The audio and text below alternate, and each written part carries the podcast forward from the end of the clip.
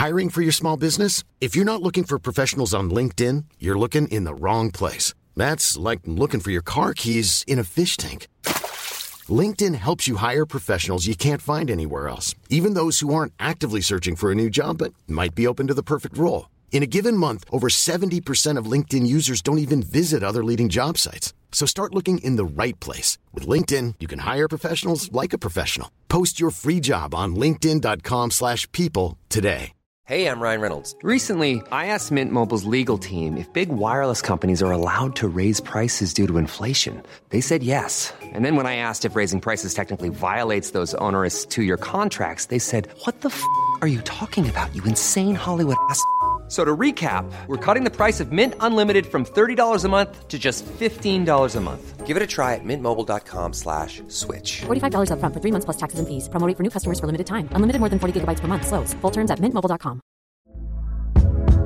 Hey there, it's Michelle Norris. I'm host of a podcast called Your Mama's Kitchen. When I travel, I'm usually looking for a way to find a taste of home when I'm not at home. And one of the things I love to do when I am at home is entertain. And Airbnb allows me to do that. When I was in California recently, I rented a house that had a great kitchen. And when we were sitting around the table, we were all thinking, we're in someone else's house. Someone could be in all of our homes as well.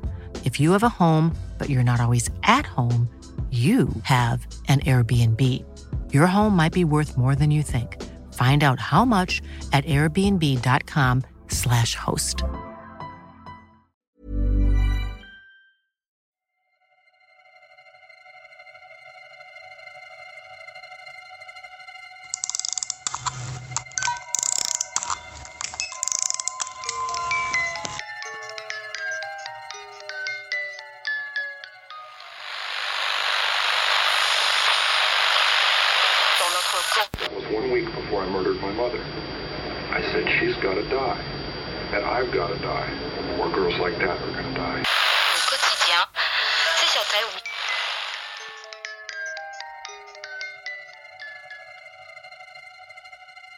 Hej och välkomna till Rysarstunden med mig Linda. Och med mig Alex.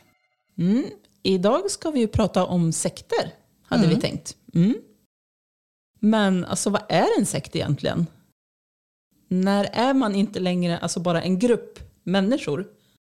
Och när blir man en sekt? Ja men precis, alltså, jag har ju alltid tänkt som en sekt som är en, alltså, det är en grupp människor som har en gemensam tanke och alltså, gemensamma mål att fylla upp. Alltså med ett syfte typ. Mm.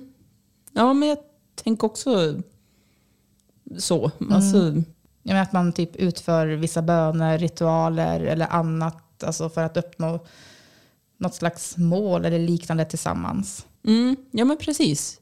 Och jag tänker att någonstans vet man ju lite grann vad en sekt är. Alltså, men när man börjar liksom titta lite närmare, då vet jag inte om det är lika lätt att egentligen förstå, förstå vad det är. Alltså när man som sagt slutar vara en grupp människor bara och när man är en sekt. För vad är det som gör det till, till det? Mm. Och inte bara en grupp som sagt. Ja, precis. Men begreppet sekt, det är faktiskt väldigt omtvistat Mhm. och eh, kan ha en relativt bred betydelse. Det är ett sociologiskt begrepp som används för att ge en viss typ av social gruppering. Det finns heller ingen enhetlig definition av, av vad en eh, sekt är. Och därför kan man hitta olika beskrivningar över vad det är. Då. Okej, just det. Mm. Men det finns ändå några kännetecken som går igen och är en vanlig definition bland religionsvetare. Och det är att en sekt är en grupp människor som särskiljer sig från omgivningen genom egna regler och värderingar. Och på grund av att sektens regler och värderingar ofta skiljer sig markant från många av de grundnormer som råder i samhället så är sekterna ofta i dispyt med samhället. Gruppen är frivillig men kräver oftast en slags tröskel för att du ska kunna vara med. Utbildningar du måste gå, ritualer du måste genomföra eller liknande. Och sekten den är sluten. Den är auktoritär och kräver totalt engagemang av individen. och eh, sekten styr därmed individens liv. Det finns heller inte utrymme för kritiskt tänkande eller odlydnad i en sekt. Medlemmarna i sekten utgör också en andlig elit. För medlemmarna är en del av eliten och ledaren höjs till skyarna som en profet. Men även om ledaren har en auktoritär roll så har alla sektens medlemmar ändå rätt till sanningen och den kan många gånger finnas ett förakt mot dem som inte ingår i den här sekten. De människor som går med i sekter har olika ekonomisk, social och kulturell bakgrund. De har dock oftast en sak gemensamt och det är att de söker någonting andligt eller spirituellt som skapar trygghet och gemenskap. Mm. Ja, men det tycker jag väl ändå att man känner igen, alltså hur, man, eller hur jag tänker kring en sekt. Mm. Alltså, ja.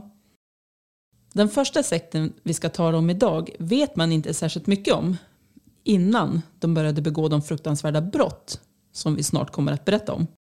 Det man däremot visste det var att ledaren för sekten, Robin Gecht, han var anklagad för att ha antastat sin egen syster samt att han var anställd på PDM Contractors som märkligt nog ägdes av ingen mindre än seriemördaren John Wayne Gacy. Mm. Och han berättade vi lite kort om i clownavsnittet i förra säsongen. Men ja, och den sektor vi ska tala om nu det är den så kallade The Ripper Crew. Eller Chicago Rippers.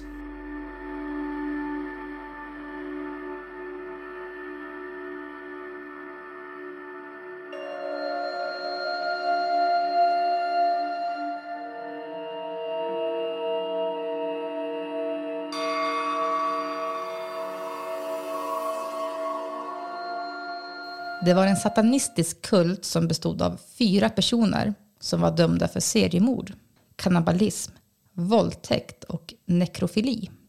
Medlemmarna var Robin Gecht, Edward Spreitzer och bröderna Andrew och Thomas Kokoralias. Enligt en av de som utredde det här fallet, han ska ha sagt att eh, Gecht fick eh, Charles Manson att framstå som en pojkscout. Ja, just det. Ja, och vet ni inte vem Charles Manson är så kan ni ju googla på han. Mm. Eller vi kanske kan ta han i ett annat sekt Ja, kanske det. längre fram. Mm. Vill ni det så kommentera det här avsnittet. Ja, exakt. Men den här gruppen misstänks vara ansvariga för 17 kvinnors försvinnanden i Illinois mellan 1981 och 1982. 17 stycken på ett år. 17 stycken. Det är många. Mhm. Och de var också misstänkta för att ha skjutit en man vid en spontant drive-by shooting. Alltså när man bara kör förbi och så... Alltså man är ute och åker bil och så skjuter man bara någon som... Någon random går, som Ja. går förbi. Ja, Alltså jag antar det. ja, ja Det låter lite så. Mm. Sektens första offer var 28-åriga Linda Sutton. Hon blev bortförd den 23 maj 1981. Och tio dagar efter hennes försvinnande tog polisen emot ett samtal där någon rapporterade om en dålig lukt som kom från ett motell. Polisen tänkte till en början att lukten kanske kom från en död hjort eller någonting. Men hittade istället hennes livlösa kropp på ett fält bakom motellet i Villa Park, Illinois. Hon var handfängslad, hade blivit knivhuggen och hennes kropp hade stympats och hennes vänstra bröst var bortskuret. Ja, fy. Aj. Ja, och på grund av det illa skick som hennes kropp befann sig i så kunde hon endast identifieras med tandkort. Oj, då är man illa tilltygad. Riktigt illa. Mhm. Det dröjde sedan ett år innan gruppen slog till igen. Den 15 maj 1982 blev Lori Borowski bortförd. Hon skulle precis öppna kaféet där hon jobbade när de tog henne. Fem månader senare hittades hon på en kyrkogård i Villa Park. Under de nästkommande fyra månaderna kidnappade och mördade de fyra sektmedlemmarna flera kvinnor i Chicagoområdet. Och bara dagar efter de hade mördat Lori så tog de nästa offer. Den 29 maj befann sig Shui Mak i Hanover Park som låg i en by nordväst om Villa Park. Hennes kropp eh, återfanns först fyra månader senare. Två veckor efter att de hade tagit Mak så plockade de upp eh, Angel York i deras van. Hon handfängslades och blev allvarligt skuren i bröstet medan hon fortfarande levde. Sedan slängde de ut henne från vanen.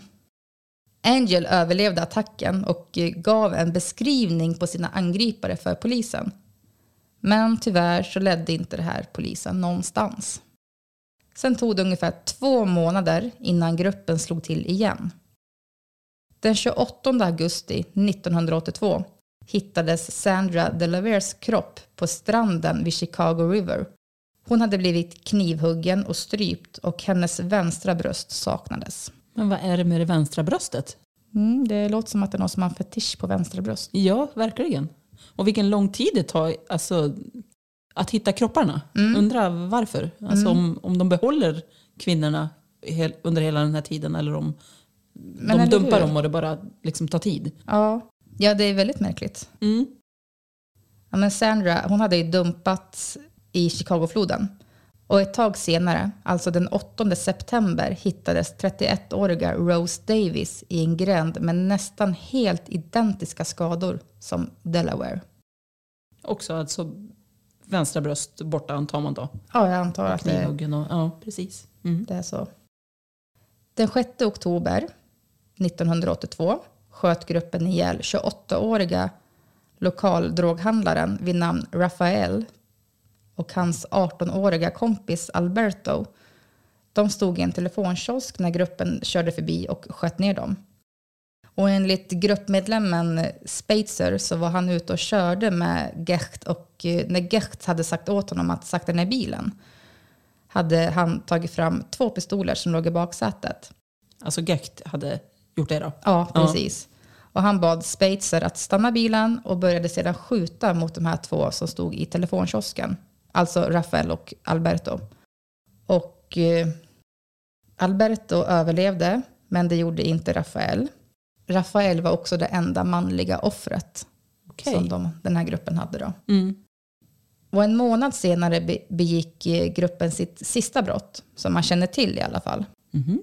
Den 6 december hittades Beverly Washington vid tågspåret. Hon hade flera skador och hennes vänstra bröst var även det bortskuret. Och det högra hade väldigt allvarliga skärskador. Just det. Hon överlevde mirakulöst attacken och kunde ge beskrivning av de båda angriparna och eh, ja, vilken van de hade använt för att kidnappa henne. Gruppen misstänktes även för att ha fört bort Carol Pappas, fru till en känd baseballspelare, alltså Milt Pappas. Hon försvann den 11 september 1982 och hennes kropp den hittades fem år senare men hennes död klassades som en olycka. Okej. Undrar varför man misstänkte gruppen för Mm, det känns lite oklart. henne då. Men ja, precis. Det kanske, ja. Det kanske var något med skadorna, att det var liknande eller någonting. Men Ja. det framgår inte här. Nej, precis. Och när den här Gecht blev gripen första gången var man tvungen att släppa honom igen då polisen inte hade tillräckligt mycket bevis för att eh, ja, men bevisa att det var han som hade begått brotten helt enkelt. Nej, ja, Och det har vi hört förut. Ja, några gånger. Men efter ytterligare undersökningar upptäckte polisen att Gecht hade hyrt ett hotellrum 1981 tillsammans med tre vänner. Rummet hade åtgång till varandra. Och hotellmanagern berättade att de tre vännerna hade haft fester och verkar ha ingått i någon slags kriminellt sekt eller kult. Och polisen spårade då de andra männen, alltså då Spacer och bröderna Kokoraljes. Och efter ett antal rättegångar så fick eh, medlemmarna i sekten slutligen sitt straff. Gecht och Spacer och eh, Thomas Kokoraljes fick livstidsfängelse. André Kokoralies fick dödsstraff och avrättades med dödlig injektion. Och han var den sista fången som kom att avrättas i Illinois.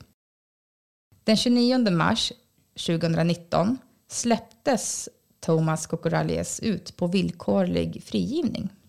Så han är ute nu då? Han är Ja. ute nu. Men jag undrar varför alltså den andra brodern Kokoraleis alltså, blev avrättad. Mm. Eh, som jag förstod det så var det ju den här Gecht som var Ja, typ han- ledare. Ja, exakt. Det borde ju ha varit... Men det är klart, han kan ju likt Manson ha sagt åt han att utföra morden. Och så Ja. har han gjort det.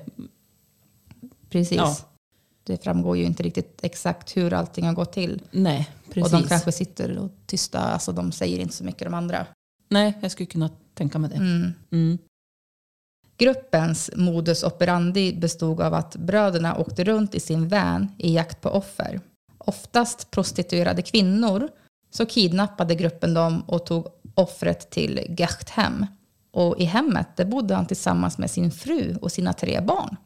Men uppe på vinden i Gechthem, säkert frun helt ovetandes, så hade han gjort i ordning ett satanistiskt tempel. Där hade han ritat sex stycken upp och nervända kors på väggen. Och eh, på den här vinden så blev offren misshandlade, torterade, våldtagna och stympade. Som till en typ av ritual. Men gud vad sjukt. Jättesjukt. Offren dödades sedan på lite olika vis. Till exempel genom att bli knivhuggna, strypna, skjutna eller till och med huggna med yxa.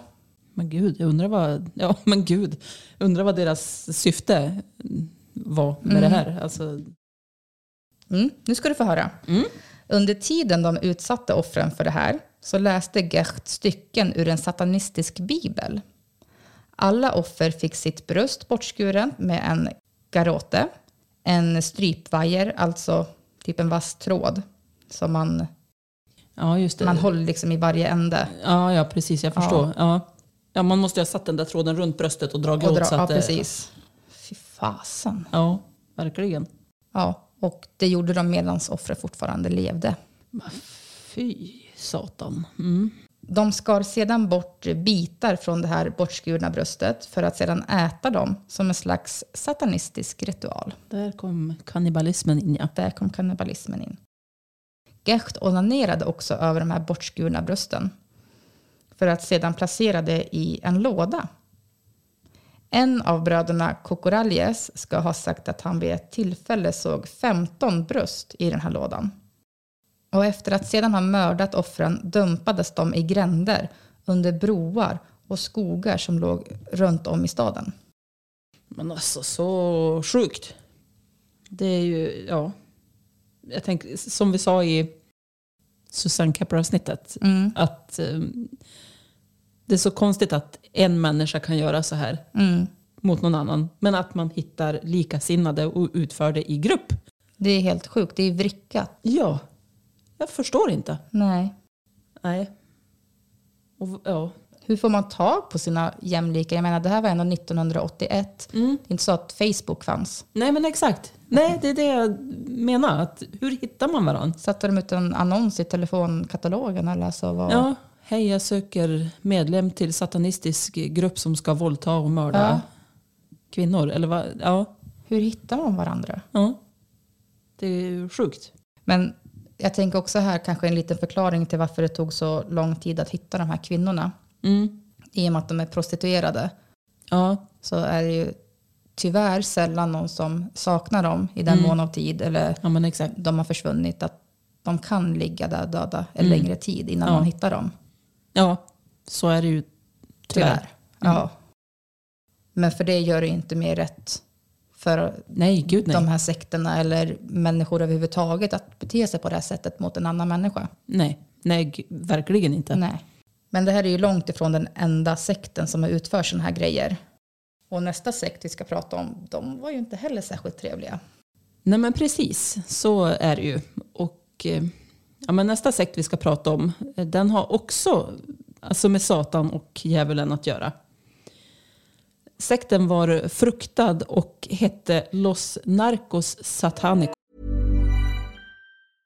A lot can happen in the next three years. Like a chatbot may be your new best friend. But what won't change? Needing health insurance. United Healthcare Tri Term Medical Plans are available for these changing times. Underwritten by Golden Rule Insurance Company, they offer budget friendly, flexible coverage for people who are in between jobs or missed open enrollment. The plans last nearly three years in some states, with access to a nationwide network of doctors and hospitals. So, for whatever tomorrow brings, United Healthcare Tri Term Medical Plans may be for you. Learn more at uh1.com. There's never been a faster or easier way to start your weight loss journey than with PlushCare.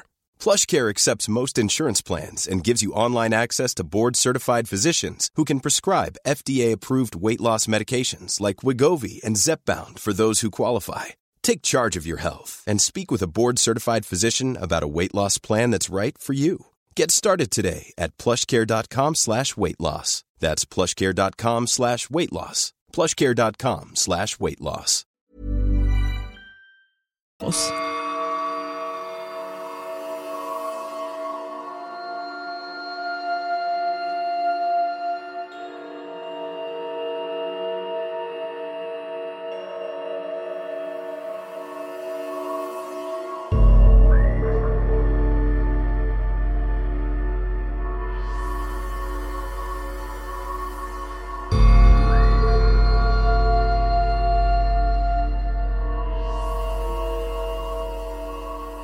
Ja, men det var ju kanske inte så konstigt att den var fruktad med ett sånt namn. Nej, eller hur? Nej.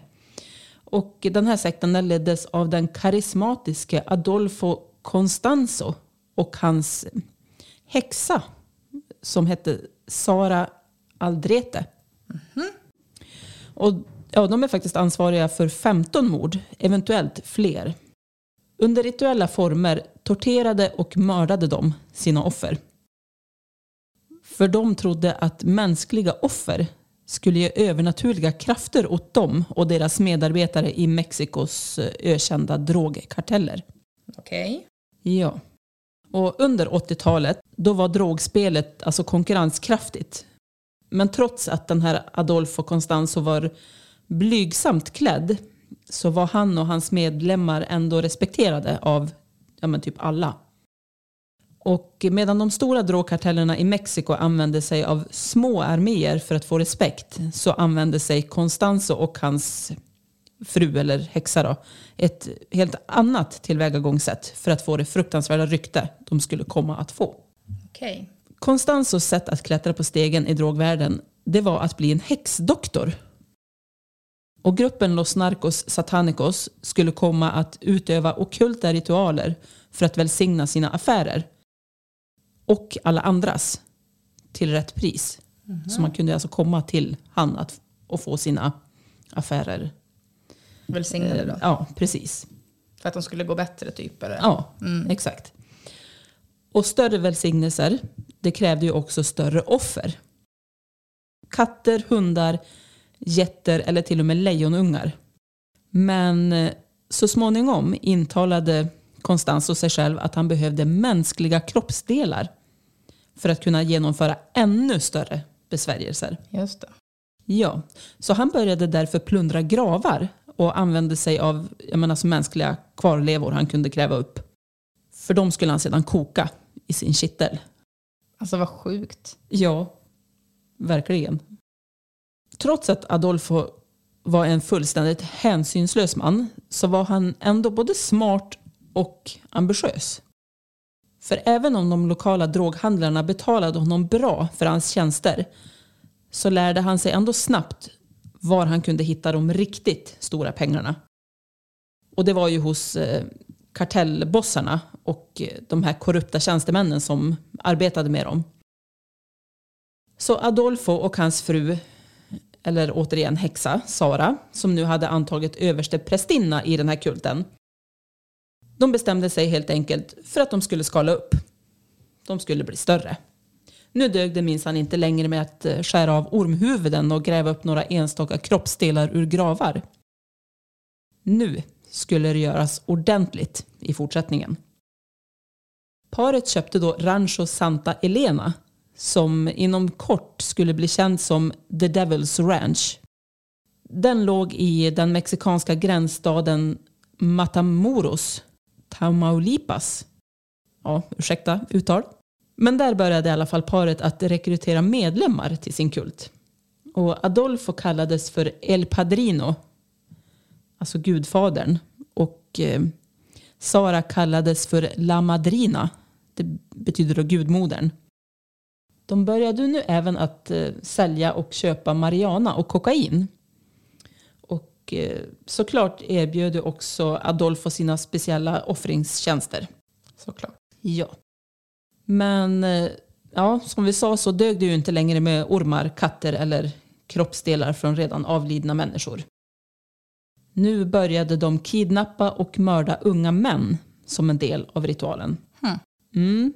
Och sektens första offer, alltså de var rivaler inom droghandeln, medlemmar av andra gäng eller korrupta poliser. Och offren fördes då till den här ranchen som de hade köpt. Ehm, Och där ja, men, torterades de och, och dödades på ett rituellt sätt. Kroppsdelar lades sedan i en kittel och kokades till en brygd som medlemmarna sedan drack. Och vad trevligt. Mm, fräscht. Not so much. Nej. Men det här gjorde de ju i tron att det gjorde dem osynliga och skottsäkra. Okej. Mm. Vad sjukt. Eller hur? Vissa av dem bar också halsband gjorda av offrens kotor. Mysigt. Mm. Eller hur? 21-åriga Mark Kilroy, han var en läkarstudent som studerade på universitetet i Texas Austin. I mars 1989, under vårlovet, så bestämde sig Mark och hans vänner för att åka till South Padre Island, likt tusentals andra unga människor också gjorde. De första dagarna av sin semester tillbringade pojkarna med att njuta på stränderna. Vännerna bestämde sig sedan en kväll för att åka den korta vägen över till gränsen till Matamoros från grannstaden Brownsville i Texas för att utforska Matamoros. Vännerna bestämde sig för att åka till Matamoros igen nästa natt, den 13 mars, Ja, just det. för att gå på barer och klubbar. De åkte dit liksom flera gånger. Ja, precis. Vännerna alltså de festade och njöt hela den här kvällen. De dansade och pratade med de lokala tjejerna och så vidare. När klubbarna väl stängde så var det ja, men dags att bege sig hem igen. Eh, och som vi sa så var det tusentals eh, Eh, elever som åkte. Så det var ju enorma skaror av collegestudenter som gick tillbaka över en bro samtidigt som Mark och hans vänner också skulle gå tillbaka. I den här stora folkmassan så separerades Mark från sina vänner. De letade efter honom i ett eh, par timmar innan de slutligen beslutade att han förmodligen hade gått vilse i massorna och gått tillbaka till Brownsville utan dem. Men gud, det är ganska länge ändå när man separeras, att man letar ett par timmar. Ja, det Alltså- kan jag tycka. Såklart att det går att, eller så, det är absolut lätt att man separeras i en stor folkmassa. Ja, Men att man letar ett par timmar innan man säger, ja men han har nog gått till Brownsville utan dem. ja. ja jag vet inte om man skulle ha tänkt det snabbare. Alltså, Jag tror nog att man hade gjort det. ja, det tror jag. Ja. Men nästa morgon, då fanns det ju fortfarande inga spår av Mark. Han kom helt enkelt aldrig mer tillbaka. Nej. Men hans vänner då, de kontaktade myndigheterna och anmälde Mark Kilroy försvunnen. Mm. Man kan ju gissa sig till vad som hände med han i den här folkmassan. Ja, eller hur? Adolfo. Mm. Mm, han kände ju sig som en kung. Såklart. Ja, ingenting kunde nå han. Så han och hans växande kult, alltså den växte ju både i antal och i resurser. Men han ville dock öka satsen ännu mer och bestämde sig därför att ett speciellt människooffer behövdes för den ritual han planerade att utföra. Han ville ha någon utbildad, atletisk och amerikansk. Så han hade därför skickat ut alltså några av sina sektmedlemmar till de här barerna och klubbarna i Matamoros och gett dem ett enda uppdrag. Att hitta den här... Att hitta en ung, Ja. utbildad, vältränad amerikan. Mm. Mm. Klockrent. Ja. Så när Mark hade separerats från sina vänner i ja, men vimlet av alla de här människorna så körde det upp en van. En man ropade från den och frågade om Mark ville ha skjuts. Mark närmade sig fordonet och då tog två män tag i honom och tvingade in honom i vanen. Mark lyckades faktiskt fly en kort stund, men han blev snabbt ikappsprungen av sina kidnappare och blev handfängslad och kastades in i en annan bil. Två timmar senare blev Mark Kilroy avklädd, bunden och fick munkavle och eh, placerades i en lada på The Devil's Ranch. Adolfo kände sig så onåbar att han skrattade när de övriga medlemmarna i sekten varnade honom alltså över att mordet på den här Mark skulle kunna skapa bekymmer. Mm. Det är ju ganska sjukt liksom att Mm. de ska behöva varna honom för det. Ja, men han borde ha lyssnat. Mm. Under Adolfos övervakning så misshandlade, torterade och våldtog Adolfos sektmedlemmar Mark. Och man tror att Mark kan ha försökt kämpa emot då han hade utsatts för särskilt våldsamma handlingar. Han dödades slutligen med ett macheteslag i nacken när han vid ett tillfälle försökte fly. Kroppen stympades, tömdes på blod och organ användes sedan i rituellt syfte. Sen begravde sekten Mark Kilroys kropp och tänkte att ja, det var det. Och att ja, men sen skulle allt vara som vanligt. Mm. Men att döda andra gängmedlemmar eller liknande, det kanske inte märktes så tydligt. Men ett rikt barn från en inflytelserik familj, det skulle ju komma att få konsekvenser. Såklart. Ja. För Marks farbror, han jobbade nämligen som specialagent hos den amerikanska tulltjänsten. Okej. Och eh, ja, men folk la ju såklart märke till att Mark eh, hade försvunnit. Och ja, men det gjorde ju att en utredning inleddes rätt så snabbt. Men kompisen hade väl anmält han försvunnen också? Ja, exakt. Ja, precis. Och inom bara fyra veckor så var fallet löst. Oj, Och, det var eh, snabbt. Ja, men eller hur? Verkligen. Och The Devil's Ranch hade då hittats.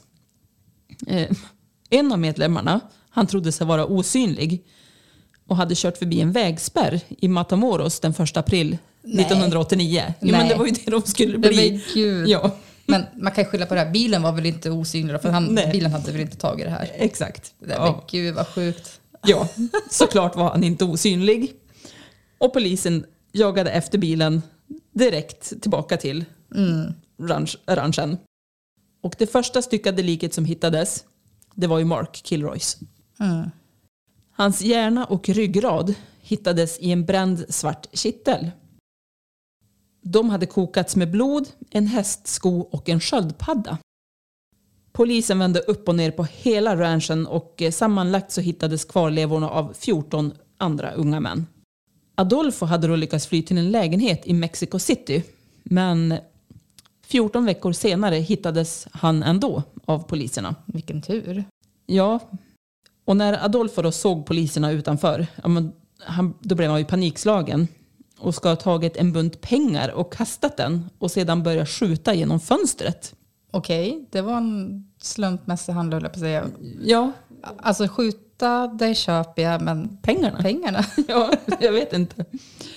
Eh, Men efter 45 minuters vapenstrid och trycket från polisen blev ännu högre så beordrade Adolfo en av sina medlemmar att skjuta honom. För att på så vis ja, slippa bli gripen. Adolfos häxa, gudmodern, hon dömdes i maj 1994 till 62 års fängelse enligt Associated Press. Okej. Alla utom två av sektens medlemmar fångades och dömdes. Vad som hände med de andra två eller varför de inte blev dömda det har vi faktiskt inte lyckats hitta någon information om. Nej, Nej. men ja, det var ju så gott som alla egentligen då, utom två. Utom två ja. Mm, precis. Ja. Ja, sjuka grejer sekter har Ja, men- för sig. Alltså, Eller hur? Ja, vart, alltså, jag förstår inte vart man får det ifrån. nej, Alltså, men jag sitter precis och försöker formulera ut en mening som jag har i huvudet. Alltså vart får man det ifrån och hur, hur kan en person lyckats trollbinda ett gäng andra personer liksom att tycka Ja. och tro och göra precis som den. Och att göra såna här handlingar. Ja, alltså precis exakt sådana här groteska Ja. handlingar. Ja, Det är sjukt. mm. ja men verkligen. Alltså, ja. Jag tror aldrig jag kommer fatta hur man kan ingå i en sekt på en sån här nivå. Nej. Och tro att det man gör det är för en bättre anledning. Mm. Det är för att jag ska bli bättre. Det är för att jag ska bli osynlig. Ja, ja. ja det, alltså det är så... ja, dumt. Det är ju jättekonstigt. Ja. Sen fattar jag att man liksom kan typ falla för en... Alltså många sådana här sektledare är ju så otroligt karismatiska. Jo, Så jag fattar ju att man någonstans kan liksom falla för, för det. jo precis. men liksom men falla till den graden att man gör, gör, såna här, Ja. handlingar. Alltså, om, om du är med i en sekt där ingen annan kommer till skada. Då, liksom, du, Mm. du odlar i en trädgård för att du ska liksom eh, ja, spirituella eller andliga grejer för att ja, Mm. uppnå det egentligen den här sekten uppnår genom att mörda. Mm. Det säger jag väl ingenting om. Nej. För då, då är det andra typer av handlingar. Men liksom, det här är sådana groteska handlingar som du får dina det. medlemmar att göra. ja. Hur får du dem att göra de här sakerna Ja. utan att de fattar att det är fel? ja jag Eller tycker de att inte. det är fel att göra ändå? hittar de?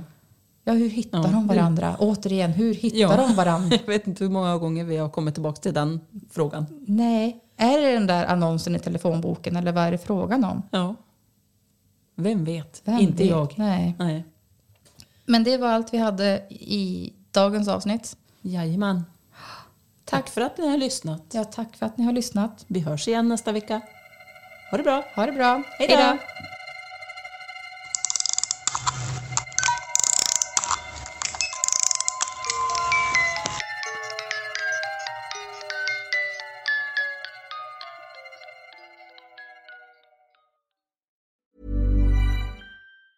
Hey, it's Danny Pellegrino from Everything Iconic. Ready to upgrade your style game without blowing your budget? Check out Quince. They've got all the good stuff shirts and polos, activewear, and fine leather goods, all at 50 to 80% less than other high end brands. And the best part? They're all about safe, ethical, and responsible manufacturing. Get that luxury vibe without the luxury price tag. Hit up quince.com slash upgrade for free shipping and 365 day returns on your next order. That's quince.com slash upgrade. Planning for your next trip? Elevate your travel style with Quince. Quince has all the jet setting essentials you'll want for your next getaway, like European linen, premium luggage options, buttery soft Italian leather bags, and so much more. And is all priced at 50 to 80% less than similar brands. Plus, Quince only works with factories that use safe and ethical manufacturing practices. Pack your bags with high-quality essentials you'll be wearing for vacations to come with Quince. Go to quince.com slash pack for free shipping and 365-day returns.